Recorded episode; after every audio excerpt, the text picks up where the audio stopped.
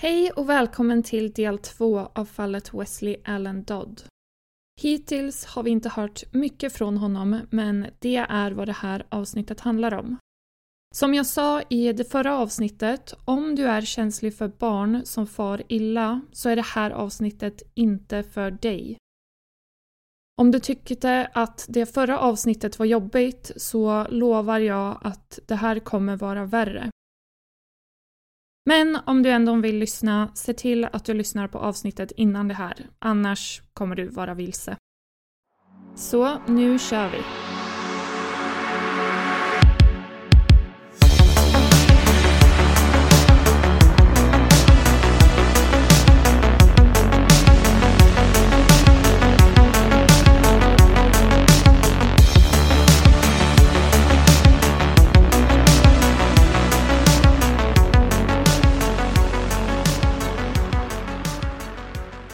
Måndag den 13 november klockan 16.40.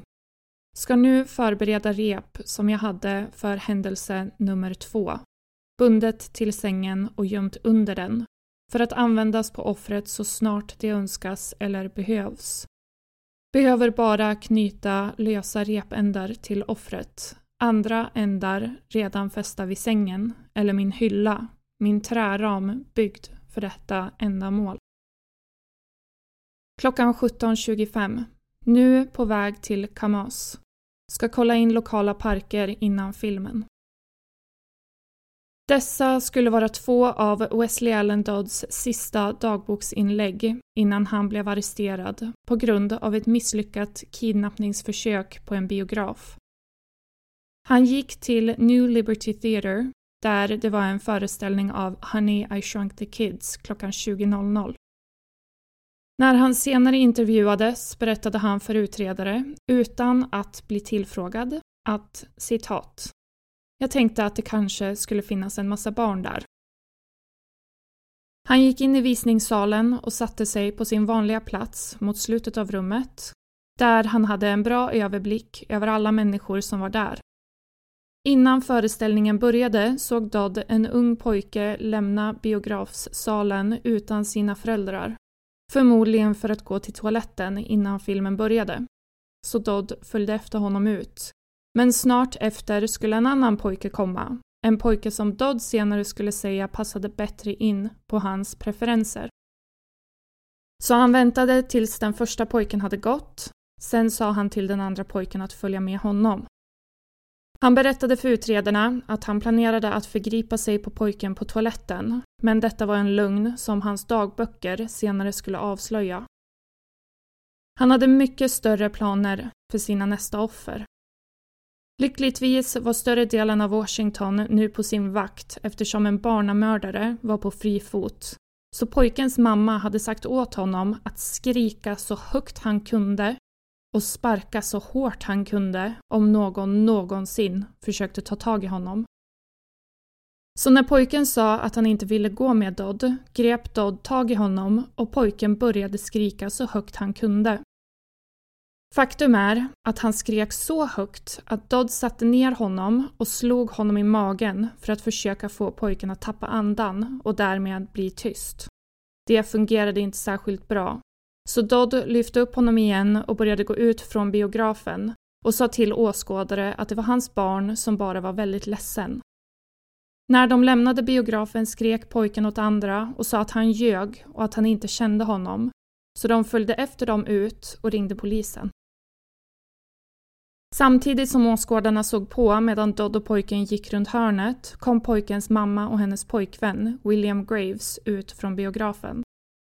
Skrikandet hade varit så högt att de kunde höra det inne i biosalongen. Graves insåg snabbt vad det var som pågick. Så han började följa efter Dodd och hans styvson när pojken kom springande tillbaka, gråtande. Av någon anledning, en anledning som Dodd själv inte kunde förklara, hade han släppt honom. Graves ville dock inte att han skulle komma undan, så efter att vittnen hade gett honom en kort beskrivning av mannen och hans senapsgula bil satte sig Graves i sin bil och följde efter. Han kunde se att en senapsgul bil hade stannat mitt i vägen, bara några meter från biografen. Så han steg ut ur sin bil och gick fram till bilen och frågade mannen inuti om han behövde hjälp. Han var inte 100% säker på att det var mannen som hade försökt att kidnappa hans styvson och behövde vinna tid tills polisen kom utifall att det var han. Mannen accepterade hjälpen så de sköt bilen in på en närliggande parkeringsplats. Genom att ställa några oskyldiga frågor var Graves säker på att det var rätt man, så han grep honom bakifrån och satte honom i ett strypgrepp. Så mycket som han ville skada mannen visste han att det var inte det smarta att göra i den här situationen. Så han tog med Dodd tillbaka till biografen där de band hans händer med ett bälte tills polisen kom. När polisen R.L. Strong kom dit satte han handklovar på Dodd och tog med honom till polisstationen där de tog hans tillhörigheter och han fick göra ett telefonsamtal, vilket han gjorde till sin far. Han sa citat “Jag sitter i fängelse i Camas. Försökte ta ett barn från biografen, antar jag. När de kollade upp hans namn i sitt system så kunde de se att Dodd inte var någon främling för dem eftersom han tidigare hade åtalats för kidnappning, osedligt beteende och oanständigt uppträdande gentemot en minderårig under 16 år. När de tittade på var hans arbetsplats låg och hans nuvarande adress blev de chockade. Hans arbetsplats var mycket nära viltreservatet där Lee Isaley hade hittats och hans hemadress var mindre än 1,6 kilometer från David Douglas-parken där Near-bröderna hade hittats. På grund av detta beslutade de att inte genomföra några förhör med honom. Istället kontaktade de utredarna som hade ansvar för dessa fall. Utredarna Buckner och Rayburn kom omedelbart till Kamas för att möta upp de andra utredarna där och tillsammans körde de för att undersöka Dodds bil medan de väntade på att Jensen och Trimble skulle anlända. Ingen av dem ville kontaminera bilen så de använde ficklampor för att titta in i bilen och förutom ett par handskar och en verktygslåda var det enda märkbara de såg en grå bit material som låg nära kanten av baksätet som hade fällts ner. Jensen och Trimble anlände klockan 22.25 och det beslutades ömsesidigt att de skulle genomföra förhöret eftersom de var mest insatta i alla fallen. 20 minuter senare läste de upp Dodd hans Miranda-rättigheter och förhöret påbörjades och till deras förvåning var Dodd mycket öppen och villig att berätta om det här försöket till kidnappning. Dodd visste inte att Jensen och Trimble var där specifikt eftersom de misstänkte att han var inblandad i morden. Så han trodde att så länge han talade öppet om sina tidigare övergrepp skulle de inte kunna koppla honom till morden. För vilken mördare skulle vara så öppen om sitt förflutna så snabbt? Så han började från början.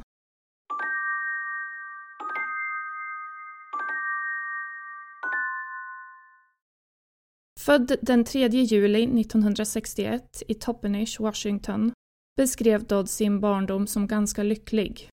Hans pappa hade visserligen vissa våldsamma tendenser, men inte på ett sätt som var ovanligt för den tiden.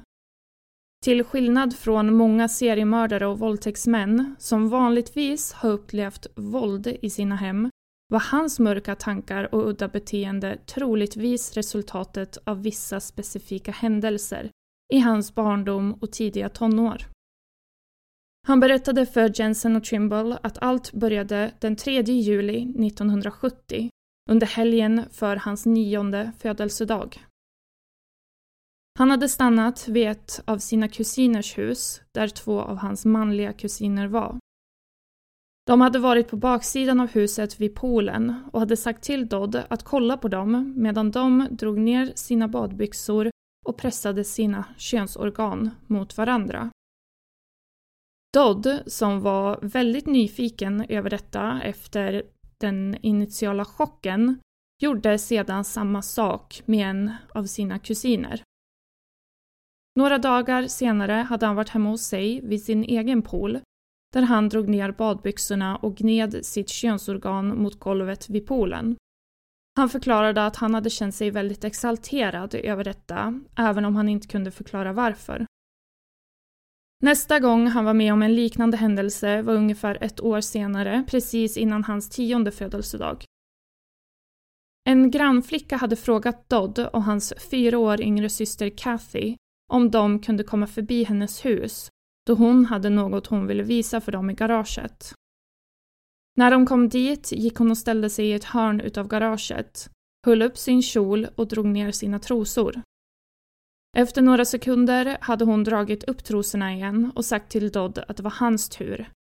Men när han gjorde det visade flickan inget vidare intresse för honom, bara hans syster gjorde det. Och det hade han känt sig besviken av. Grannflickan sa att hon redan hade sett pojkars underliv och var mer intresserad av att få se en tjejs. Dodd sa senare att den här händelsen kanske var förklaringen till varför så många av hans framtida offer skulle komma att vara pojkar snarare än flickor. Flera år senare när han var tonår så hade han blivit mobbad i skolan av både tjejer och killar och han sa senare under terapisessioner att kanske var det därför han började flasha barn för att bevisa för mobbarna och andra att han faktiskt var en man. Exakt vad det var är svårt att sätta fingret på. Kanske var det en kombination av flera olika händelser han hade under en så tidig ålder. Men han började flasha sig för barn väldigt ofta. Han brukade springa hem efter skolan när hans föräldrar var på jobbet och hans syskon var kvar på skolan. Väl hemma drog han ner byxorna och ställde sig framför ett öppet fönster där han kunde flasha barn som var på väg hem från skolan. Ibland brukade han ropa på barnen för att de definitivt skulle se honom. Det här skulle han göra ungefär åtta eller nio gånger under en tre månaders period tills en dag då han flashade fel barn. En polisman hade knackat på och berättat för hans föräldrar vad han hade gjort så nu behövde han komma på ett sätt för att kunna flasha andra barn utanför huset. Han tänkte att om han gjorde det någon annanstans så skulle barnen inte ha något sätt att veta var han bodde eller vem han var och skulle därför inte kunna berätta för hans föräldrar. Så han började cykla omkring området och på cykeln hade han sina byxor neddragna och så hade han på sig en lång tröja som han drog upp när han cyklade förbi barn som han ropade på för att säkerställa att de verkligen såg vad han gjorde.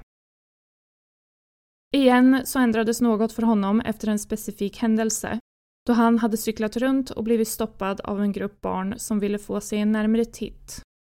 Han frågade barnen om de ville känna på den och en fyraårig pojke gjorde det samtidigt som han skrattade och sa till sina kompisar att den är riktig. Efter den händelsen kände sig Dodd inte längre nöjd med att bara flasha barn. Han behövde bli tagen på av dem. Han behövde komma på ett sätt att bli rörd av dem utan att skrämma bort dem, så han kom på en lek. Han gick fram till en grupp ungar och bad dem blunda, så skulle han lägga något i deras händer och de skulle gissa vad det var. Efter att han hade lagt två eller tre random saker i händerna på dem så la han sin underdel i händerna på dem. Det här gjorde han under ungefär två veckors tid tills att han en dag stötte på en grupp med tjejer. Han föredrog pojkar, men den här dagen kunde han inte hitta några, så han fick helt enkelt nöja sig med tjejerna. Han frågade tjejerna om de ville se hans privata delar och när de sa ja så sa han att de skulle få se hans om han fick se deras, liknande vad grannflickan hade sagt flera år tidigare. De kom alla överens om att den yngsta tjejen i gruppen skulle vara den som visade, men hon blev rädd och började springa iväg från gruppen. Dodd sprang efter henne och när han kom ikapp så satte han sig på henne och började dra ner hennes byxor.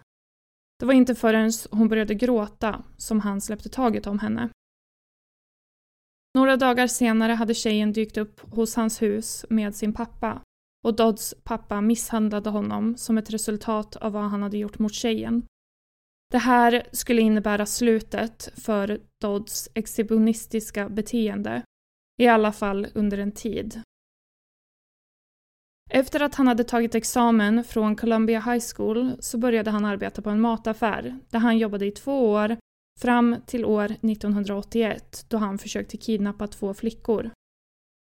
För att undvika att bli arresterad så sa han upp sig och gick med i amerikanska flottan, som inte var medvetna om Dodds förflutna. År 1983 skulle han dock få sparken från flottan då han blev ertappad med att antasta två pojkar som han hade försökt muta med pengar.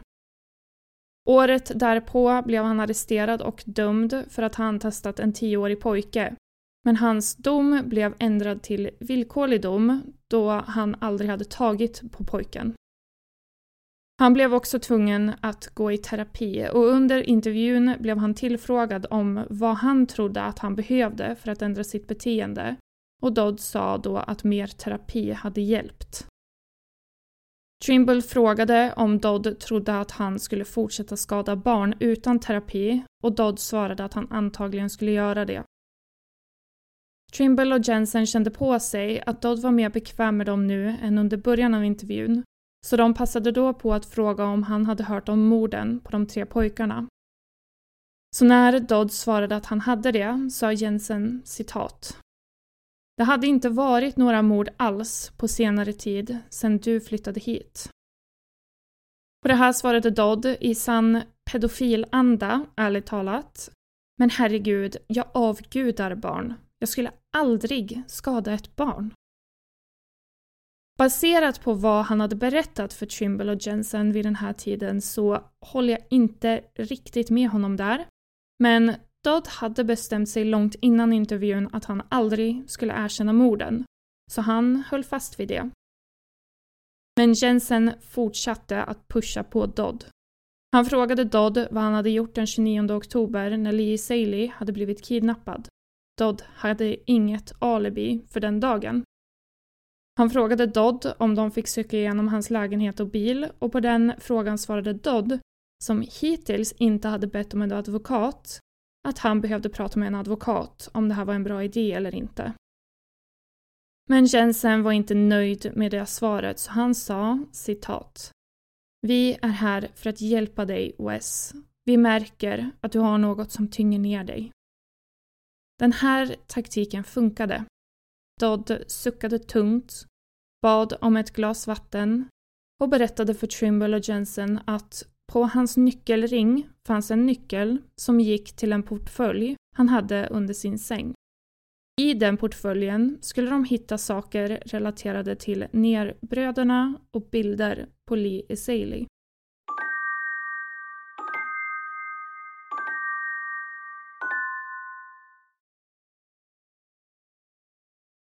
Detektiv Trimble, vad gjorde du med hans kläder? Wesley Allen Dodd, min hyresvärd har en tunna för att elda saker i bakom huset. Så jag la in några tidningar och hans kläder och brände dem i den. Jag behöll hans underkläder. Varför behöll du hans underkläder? För masturbation. Vart är underkläderna nu? I min portfölj. Vad gjorde du med repet? Jag brände det också.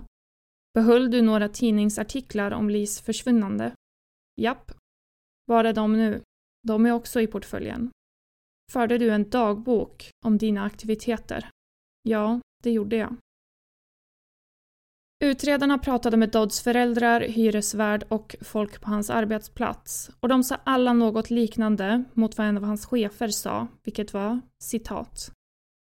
Han var den sista personen du skulle misstänka.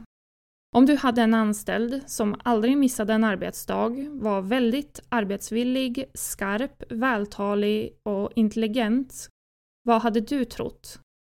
De ansvariga här letade efter sätt för att befordra honom ännu högre.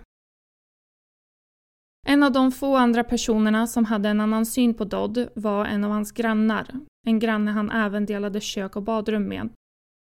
Han sa att även om han blev chockad över nyheterna så hade han märkt att det var någonting annorlunda med Dodd.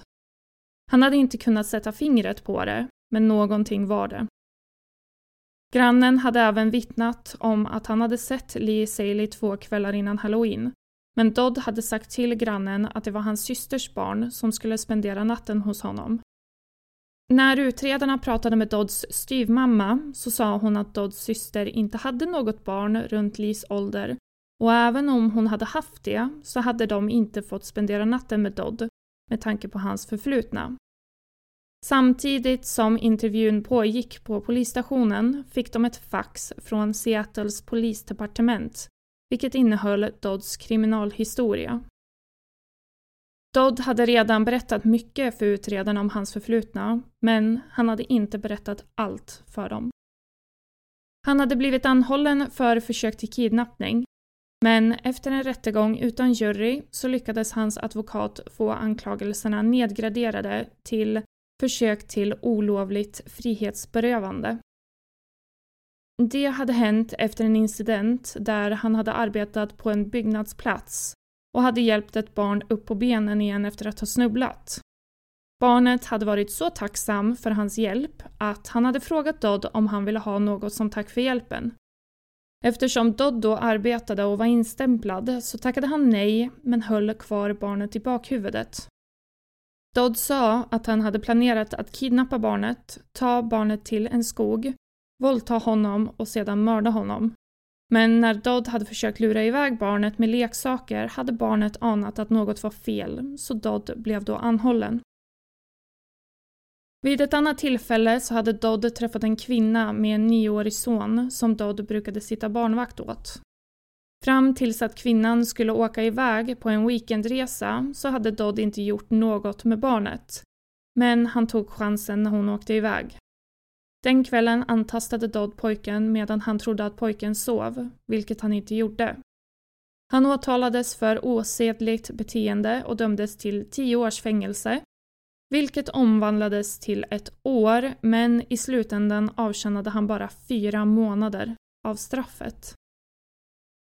Hans tonårstid var fylld av incidenter där han ertappades med att antasta barn eller när han blev ertappad med att försöka lura bort barn. Men han straffades aldrig för något av de händelserna. Han sa citat alla bestämde sig för att det inte var illa nog för att göra någonting åt det. Polisen ignorerade mig. Mina föräldrar ignorerade mig. Polisen frågade om flera incidenter runt om stan och jag sa att ja, det var jag som gjorde det. Och de sa ja okej, okay, men vi kommer inte att anhålla dig för det. När jag ser tillbaka på den tiden så kan jag se att polisen, på ett sätt, lärde mig att det var okej. Okay. Jensen och Trimble fortsatte sin intervju med Dodd och bad honom att ta allt från början när han bestämde sig för att mörda Billy och Cole. Eftersom det här var fallet Jeff Sunby var ansvarig för så fick han också sitta med i förhörsrummet och Dodd började prata. Han hade besökt parken flera gånger för att leta efter möjliga offer eftersom parken alltid var full av barn. Han hade aldrig hittat ett bra tillfälle förrän kvällen den 4 september när han promenerade längs en stig i parken och såg Billy och Cole på sina cyklar. Ingen var i närheten så han bad pojkarna att följa med honom. Sedan tog han pojkarna till ett skogsparti där han frågade dem hur gamla de var. I sin dagbok skrev han att när han fick reda på att de var 10 och 11 blev han besviken då han tyckte de var lite gamla för hans smak. Men att han hade väntat tillräckligt länge för den här chansen och att han inte kunde missa den nu. Det här var dock ingenting han sa till utredarna under intervjun utan något de fick reda på senare när de läste igenom hans dagbok. Han sa till pojkarna att en av dem behövde ta av sig sina byxor, annars skulle han inte låta dem gå. Billy sa då han och pekade på sin bror och Cole drog ner sina byxor. Dodd våldtog Cole oralt och när han var klar sa han till Billy att det var hans tur att ta av sig sina byxor. Men när Billy började gråta och säga nej så vände sig Dodd till Cole igen. Dodd kunde dock inte få en erektion så han bestämde sig för att han var klar med pojkarna och drog istället fram en fiskkniv han hade haft gömd i sitt högra byxben. Med pojkarna på varsin sida om honom så vände han sig först till höger och knivhögg Billy. Sedan vände han sig till vänster mot Cole och knivhögg honom två eller tre gånger. Samtidigt som Dodd knivhögg Cole så hade Billy tagit sig upp på benen och började springa därifrån, men Dodd sprang efter.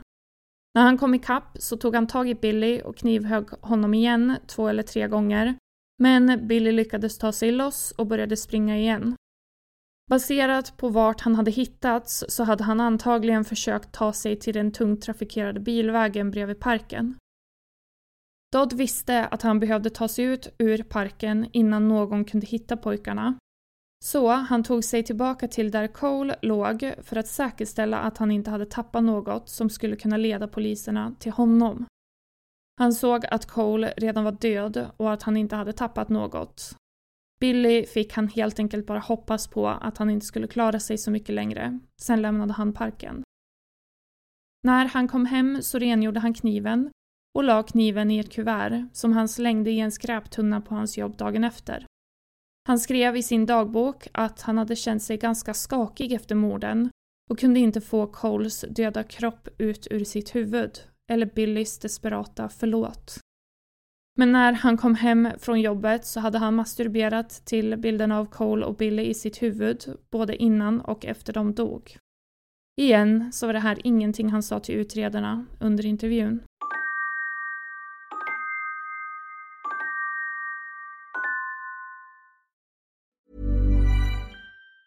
If you thought the only way to get a more defined jawline with natural looking results was through surgery, think again. Juvederm Volux XC is a non surgical injectable gel filler that improves moderate to severe loss of jawline definition and can help you achieve natural looking results with little downtime. Even better, this improved definition lasts up to one year with optimal treatment. No maintenance required. Improve jawline definition for a smooth, sculpted look with Juvederm Volux XC. For important safety information and to find a licensed specialist, visit juvederm.com. That's J U V E D E R M.com. Not for people with severe allergic reactions, allergies to lidocaine, or the proteins used in Juvederm. Common side effects include injection site redness, swelling, pain, tenderness, firmness, lumps, bumps, bruising, discoloration, or itching. There's a risk of unintentional injection into a blood vessel, which can cause vision abnormalities, blindness, stroke, temporary scabs, or scarring. Talk to a licensed specialist to find out if it's right for you. Selling a little or a lot? Shopify helps you do your thing however you cha-ching. Shopify is the global commerce platform that helps you sell at every stage of your business. From the launch your online shop stage to the first real life store stage, all the way to the did we just hit a million orders stage. Shopify is there to help you grow. Shopify helps you turn browsers into buyers with the internet's best converting checkout. 36% better on average compared to other leading commerce platforms because businesses that grow grow with Shopify. Get a $1 per month trial period at shopify.com/work. shopify.com/work. Dodd hade inte initialt planerat att mörda någon i parken. Det var en bra plats för att spana efter barn och han ville inte förlora parken som en form av jaktplats. Men nu, med två pojkar hittade mördade i parken, så kunde han inte gå tillbaka dit. Han behövde också ligga lågt överlag ett tag innan han ens kunde börja kolla efter ett annat barn, eftersom det hade funnits så många vittnen i parken som kunde ge bra beskrivningar på hur han såg ut. Han följde religiöst nyheterna de nästkommande veckorna för att se om utredarna hade hittat fysiska bevis som exempelvis sperma. Men i nyheterna sa de aldrig något om det. Faktum är att om du kommer ihåg listan med 160 sexförbrytare i området som polisen satte ihop så fanns Dodd överhuvudtaget inte ens med på den. Om Dodd inte hade försökt kidnappa barnet på biografen i Kamas eller inte hade tabbat sig, vem vet hur länge han hade kommit undan? Men nu var han fast och under intervjun med Trimble, Jensen och Sundby så undanhöll han i princip ingenting. Så Jensen bad Dodd berätta för dem hur han hade kidnappat och mördat fyraåriga Lee Esaley. Dodd hade lämnat sitt hem 10.30 söndagen den 29 oktober för att köpa en ny film till sin polaroidkamera. Efter det hade han åkt till Portland där han ankom till Richmond skolans lekplats runt 11.30. Han kunde se två äldre pojkar och en yngre pojke som var en liten bit ifrån de äldre pojkarna. Men eftersom han inte kunde avgöra om de var där tillsammans så lämnade han lekplatsen och åkte istället till en närliggande park. Han stannade i parken i cirka 20 minuter innan han återvände till lekplatsen eftersom det inte fanns några barn i parken. Alla pojkarna var fortfarande där, plus två andra pojkar, men nu fanns det också någon som han trodde såg ut som en vuxen man med dem. När han kom närmre kunde han dock se att det faktiskt var en annan pojke omkring 12 år gammal. Den äldre pojken lämnade platsen med en av de andra. Alla pojkar hade ryggen vänd mot den yngsta pojken, Lee, som lekte för sig själv på den så kallade vulkanen. Dodd gick fram till honom och frågade om han, citat, ville ha lite kul och tjäna lite pengar. Efter lite övertalande från Dodd så tog Lee hans hand och tillsammans gick de mot Dodds bil. Under intervjun förklarade Dodd att han hade använt sig av mycket bebisprat med Lee då det verkade som att det fungerade bäst på honom. De kom fram till Dodds lägenhet i Vancouver vid 13.30 vilket var exakt samma tid som Lees pappa ringde polisen för att rapportera honom som saknad.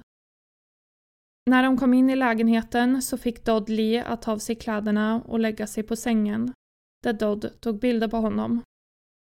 Han simulerade sedan sex med honom, vilket han gjorde under hela natten. Sedan våldtog han honom oralt. Nästa morgon vaknade Dodd runt 05.30 och försökte strypa Lee i sömnen. När han märkte att Lee fortfarande andades så bar han Lee till garderoben där han hängde Lee med ett rep tills han dog. Efter att han hade tagit en bild av Lee där han hängde så knöt han loss honom och la honom på en hylla i garderoben. Sedan åkte han till sitt jobb. Han berättade att han hade tänkt på Lee under hela sitt arbetspass och om vad han ville göra med Lees kropp när han kom hem. Så runt fyra tiden när han kom hem från jobbet så placerade han Lees kropp på sängen där han tog fler bilder av honom. Sedan tog han på sig en kondom och våldtog Lees kropp. Runt 19.00 samma dag så la han Lees kropp i en väska som han placerade i sin bil. Sedan körde han till Vancouversjön och dumpade Lees kropp där den skulle hittas några dagar senare. Han brände sedan repet som han hade använt för att hänga Lee tillsammans med alla hans kläder förutom hans kalsonger. De sparade han för att masturbera till. Dagen efter Dodds misslyckade kidnappningsförsök, anhållning och bekännelse så fick utredarna en husrannsakan för hans lägenhet och bil. Vid första anblick så såg det ut som en ganska välstädad och organiserad lägenhet.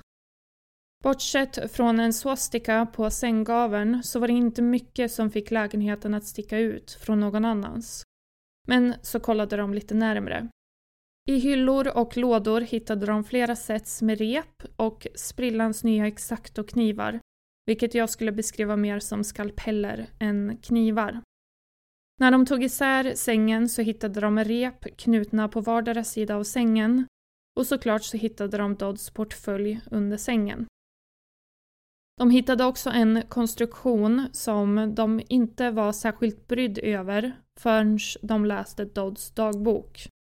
Det var hans så kallade tortyrhylla. I hans dagbok så hade han ritat sketcher av den innan han byggde den, där han också hade ritat barn och skrivit levande barn under, vilket indikerade att han skulle knyta fast barnen på hyllan och tortera dem. I hans dagbok så skrev han inte bara tid och datum för allt han gjorde, han skrev också olika fantasier han hade. Bland annat så skrev han olika metoder han kunde använda sig av för att mörda barn och vilka metoder som skulle vara bättre och sämre.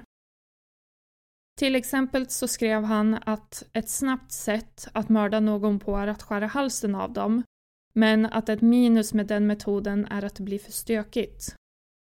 Han skrev att ett långsammare sätt är genom att svälta dem eller genom att få dem att blöda ut och inom parentes skrev han att han då kunde fånga upp blodet i burkar. Han skrev också citat för min första incident så var kniven det bästa valet då mitt dödande behövde vara snabbt och lätt för den valda platsen. Bestämde mig för att nästa incident ska ha ett renare dödande antagligen strypning för en ren kropp. En valmöjlighet är kidnappning. Hemma har jag alltid jag behöver. Han skrev också sina planer för offer nummer tre, vilket skulle ha varit pojken på biografen. Hans planer för honom var att han skulle binda fast honom och dra på en plastpåse över huvudet. Och Dodd skulle se på och ta bilder medan pojken långsamt kvävdes ihjäl. Han skrev också en hel del om Satan i sin dagbok, men han sa senare att han bara hade skämtat om det. Och med tanke på hur ärlig han var under intervjuerna så kanske han faktiskt skämtade om det. Eller så var han rädd för vad som skulle hända honom efter döden om han faktiskt dyrkade Satan. Då han skulle börja prata mycket om Gud senare när han hade fått sin dom. Men vem vet? Det första utredarna såg när de öppnade Dodds portfölj var Lees Ghostbusters kalsonger. Under kalsongerna hittade de flera Manila-mappar markerade med incident 1, 2 och 3, alltså Dodds dagbok. Det fanns också en mapp som innehöll i stort sett alla tidningsartiklar publicerade om Billy, Cole och Lees mord. Till sist hittade utredarna vad de senare skulle säga var det mest kväljande de hittade. Ett rosa fotoalbum markerat som familjeminnen. Där fanns alla bilder som Dodd hade tagit. Så hemsk som portföljen var så var den också extremt inkriminerande för Dodd. Även utan Dodds bekännelse, eller utan några andra fysiska bevis, så bevisade den här portföljen att Dodd hade mördat Near-bröderna och Lee Esaley. Dodd åtalades för tre fall av grovt mord i första graden. Målet skulle prövas i två olika rättegångar, en för Billy och Cole och en för Lee, och åklagarna yrkade dödsstraff. Dodd skulle också åtalas för ett fall vardera av försök till kidnappning och försök till mord i första graden för händelsen på biografen. Trots Dodds erkännande förklarade han sig inte skyldig, även om det egentligen inte spelade någon roll. Bortsett från portföljen så hittade de faktiskt fysiska bevis på att Lee hade varit i Dodds lägenhet i form av ett hårstrå. Det skulle inte dröja länge innan Dodd ville erkänna sig skyldig igen. Han blev deprimerad och sattes under övervakning för självmordsrisk. När en vakt en gång ertappade honom gråtande så frågade han vad som var fel. Och han sa att han inte kunde sluta tänka på barnen och verkade känna sig skyldig. Han berättade för sin psykolog att även om han hade övervägt självmord flera gånger så kände han att han var skyldig offrens familjer att genomgå processen att bli dömd. Han ansåg att ta sitt eget liv skulle vara att välja den enkla vägen ut och beröva offrens familjer rätten att se rättvisa spelas ut. I fängelset började han skriva med en av kvinnorna i fängelset eftersom han var i skyddscell och inte kunde prata med någon annan. I breven förklarade han att han hade hittat Jesus och att han nu var religiös. Han skrev också en nio sidor lång broschyr till Columbian-tidningen i Vancouver där han skrev vad barn borde göra om de någonsin träffade på någon som honom. Hela broschyren är inkluderad i boken Driven to Kill och är delvis inkluderad i källorna i avsnittsbeskrivningen. Men i stort sett så är broschyren inspirerad av hur pojken på biografen agerade mot Dodd. Trots att Dodd hade erkänt sig skyldig till morden på pojkarna så behövde en jury fortfarande bestämma om Dodd skulle dömas till livstid i fängelse eller om han skulle få dödsstraffet. Så rättegången startade under juli månad år 1990.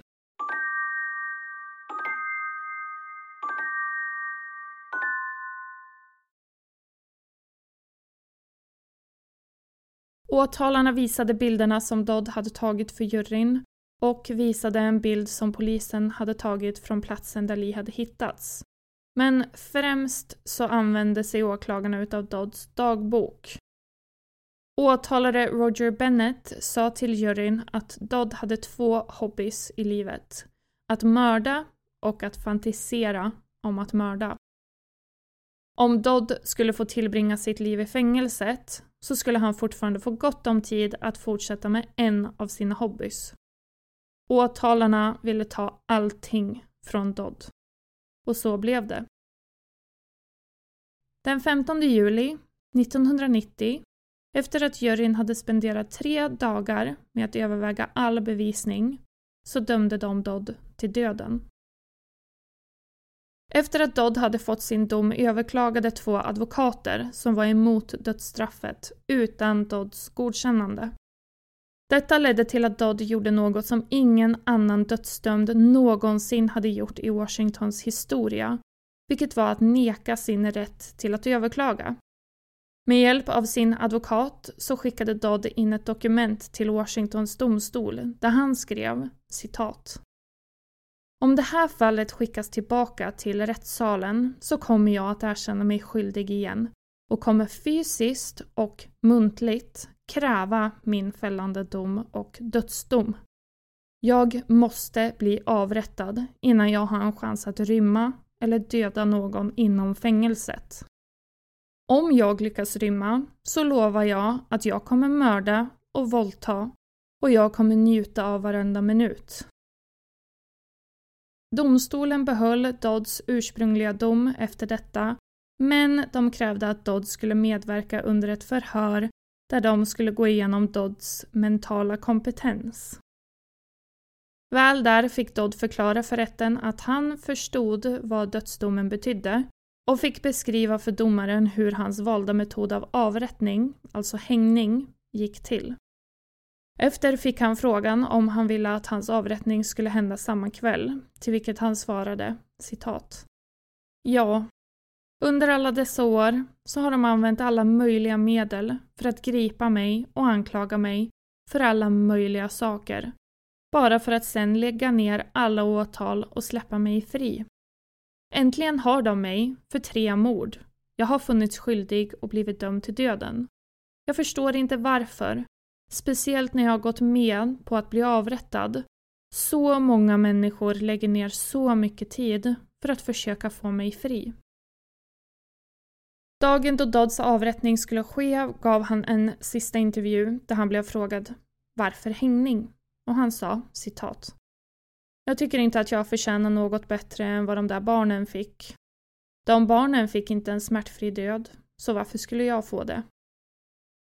Han sa också att hans död skulle bli liknande Lee Salis och kanske för honom var det som en form av upprättelse. Den 4 januari 1993 så åt Wesley Allen Dodd sin sista måltid, vilket var lax och gratinerad potatis med grönsaker, coleslaw och lemonad. Han leddes sedan ner till källaren där galgen var, som inte hade använts sedan 1963 och hade fått en bokstavlig renovering inför Dodds avrättning.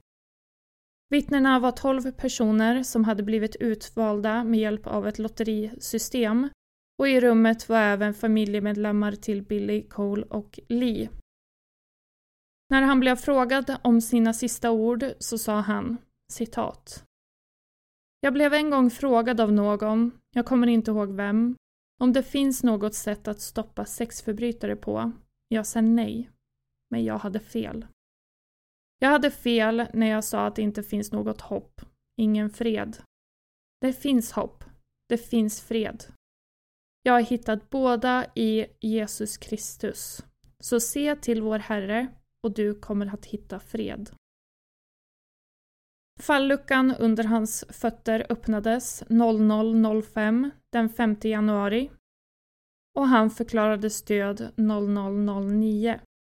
Hans nacke hade inte brutits. Istället hade slitna nerver och ligament fått Dodd att förlora sitt medvetande.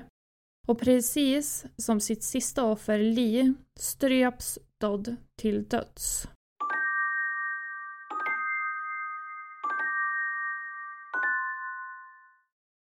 Ja, det var avsnittet om Wesley Allen Dodd jag inkluderade rätt hemska grejer och det ber jag om ursäkt för, men jag förvarnade faktiskt ganska bra, tycker jag.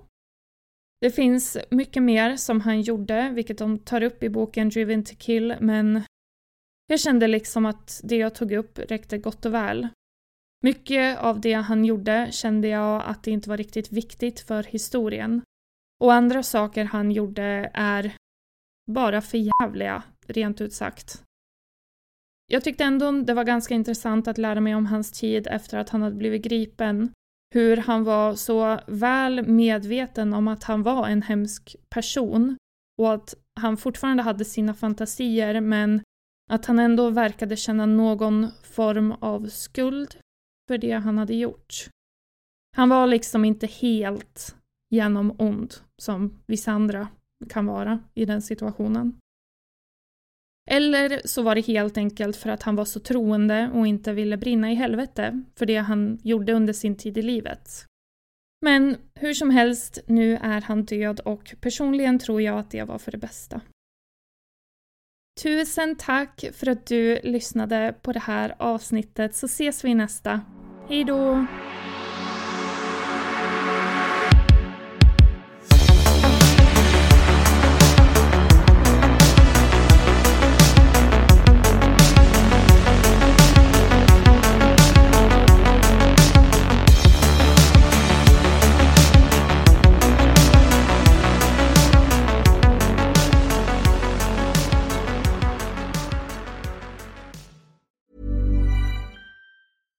Selling a little or a lot? Shopify helps you do your thing however you cha-ching. Shopify is the global commerce platform that helps you sell at every stage of your business. From the launch your online shop stage to the first real life store stage, all the way to the did we just hit a million orders stage. Shopify is there to help you grow. Shopify helps you turn browsers into buyers with the internet's best converting checkout. 36% better on average compared to other leading commerce platforms because businesses that grow grow with Shopify. Get a $1 per month trial period at shopify.com/work. shopify.com/work.